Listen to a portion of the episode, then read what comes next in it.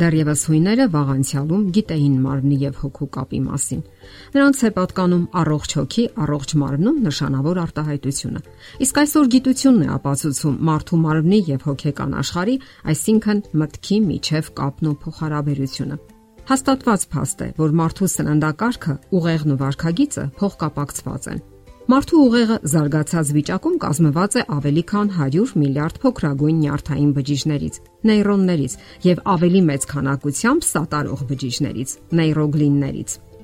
Չնայած հասուն մարդու ուղեղը կազմում է մարմնի ընդամենը 2%-ը, նա ստանում է սրտի արտամղած արյան 15%-ը։ Եվ հանգիստ վիճակում նա պահանջում է օրգանիզմ մտնող ողջ արյան 20-ից 30%-ը։ Ուղեղի էներգետիկ պահանջմունքների հիմնական մասը կապված է նրա էլեկտրական անընդմեջ գործունեության հետ։ Ի տարբերություն մարմնի մյուս օրգանների, ուղեղը չի կարող էներգիայի պաշար կուտակել ածխաջրատների եւ ճարպերի տեսքով։ Այսպիսով նա լիակատար կախվածության մեջ է անընդհատ արյան հոսք մտնող թթվասնից եւ գլյուկոզայից։ Ահա թե ինչու մեզ չպետք է զարմացնի այն փաստը, որ ուղեղի ֆունկցիան կամ գործառույթը որոշակիորեն կախված է սննդի որակից։ Ուղեղի բջիջները կամ նեյրոնները օգտագործում են տարբեր քիմիական նյութեր միմյանց հետ փոխհամագործակցելու եւ ազդանշանները դեպի օրգանիզմի մյուս մասերը փոխանցելու համար։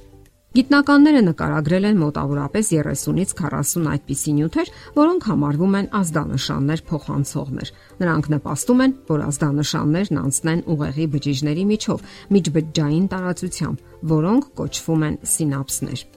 Եվ այստեղ արժե նշել, որ այդ ազդանշաններ փոխանցող բջիջների առաջացումը զգալիորեն կախված է օրգանիզմ մտնող սննդի որակից, վիտամիններից, հանքային նյութերից եւ այլն։ Դրանից բացի այս բջիջների արտադրության համար ուղեղն օգտագործում է օրգանիզմ մտնող սպիտակուցների ամինոթթուները։ Այլ կերպ ասած, մեր ամենօրյա սննդի մեջ արկա սննդարար նյութերը լուրջ ազդեցություն են գործում մեր ուղեղի այդ այսպես կոչված բամբերների կազմության վրա։ Եվ այսպես, ապացուցված փաստ է։ Սնունդը ազդեցություն ունի ուղեղի գործունեության վրա։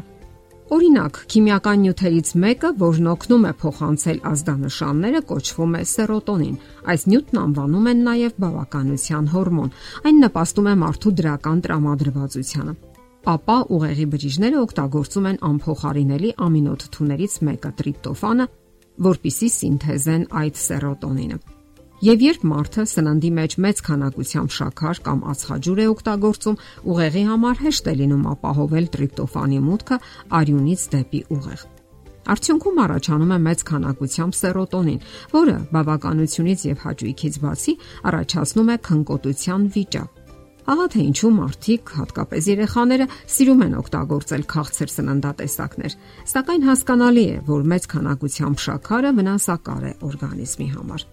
Ինչ վերաբերում է սպիտակուցով հարուստ սննդին, այն աղքատ է ածխաջրատներով, նպաստում է ուղեղի մեջ այնպիսի նյութերի առաջացմանը, որոնք օգնում են կենտրոնացված եւ ուշադիր լինելու։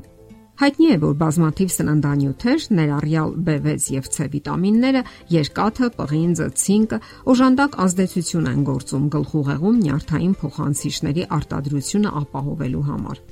Որոշ հետազոտողներ նշում են, որ սննդի մեջ, օրինակ, երկաթի անբավարարության ժամանակ կարող են փոփոխություններ առաջանալ մարդու վարքագծում։ Իսկ հա երեխաների օրգանիզմում երկաթի ցածր պարունակությունը կարող է առաջացնել անտարբերություն, կենտրոնացվածության պակաս, գրգռվածություն եւ ճանաչողական գործընթացների անբավարար ընդունակություն։ Եթե երեխան քաղցում է կամ այսպես կոչված սպիտակուցակալորիական անբավարարություն է զգում, ապա նրա վարքագծի մեջ կարող են երկարատև շեղումներ դիտվել։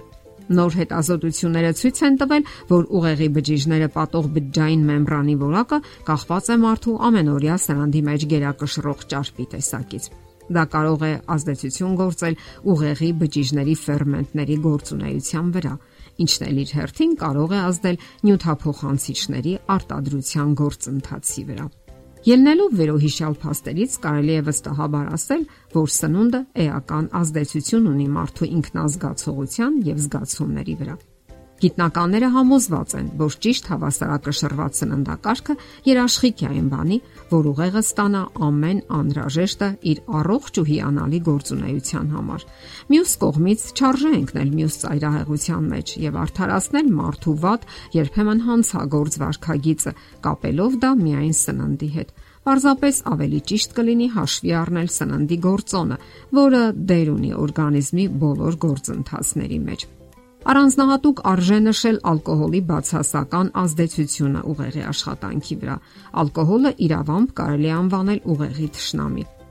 Ամբողջ աշխարհի գիտնականները, ովքեր ուսումնասիրում են ալկոհոլի ազդեցությունը ուղեղի վրա, հարկադրված են խոստովանել, որ սպիրտային թունդ խմիչքների նույնիսկ 1 գավաթը խախտում է ուղեղի ամբողջական ու ներդաշնակ աշխատանքը։ Այդ երևույթները թեև ժամանակավոր բնույթ են կրում, սակայն շատ լուրջ հետևանքներ են ունենում։ Ալկոհոլի ազդեցության տակ նյարդային բջիջներում քայքայման գործընթացներ են տեղի ունենում, այսինքն նեյրոնները ենթարկվում են ախտաբանական փոփոխությունների, իսկ այդ բջիջները, ինչպես հայտնի է, երբեք այլևս չեն վերականգնվում։ Նշենք նաև, որ parberabar խմող մարդկանց մոտ առաջին հերթին տուժում են մանր զարկերակներն ու մազանոթները, դրանք դառնում են փխրուն։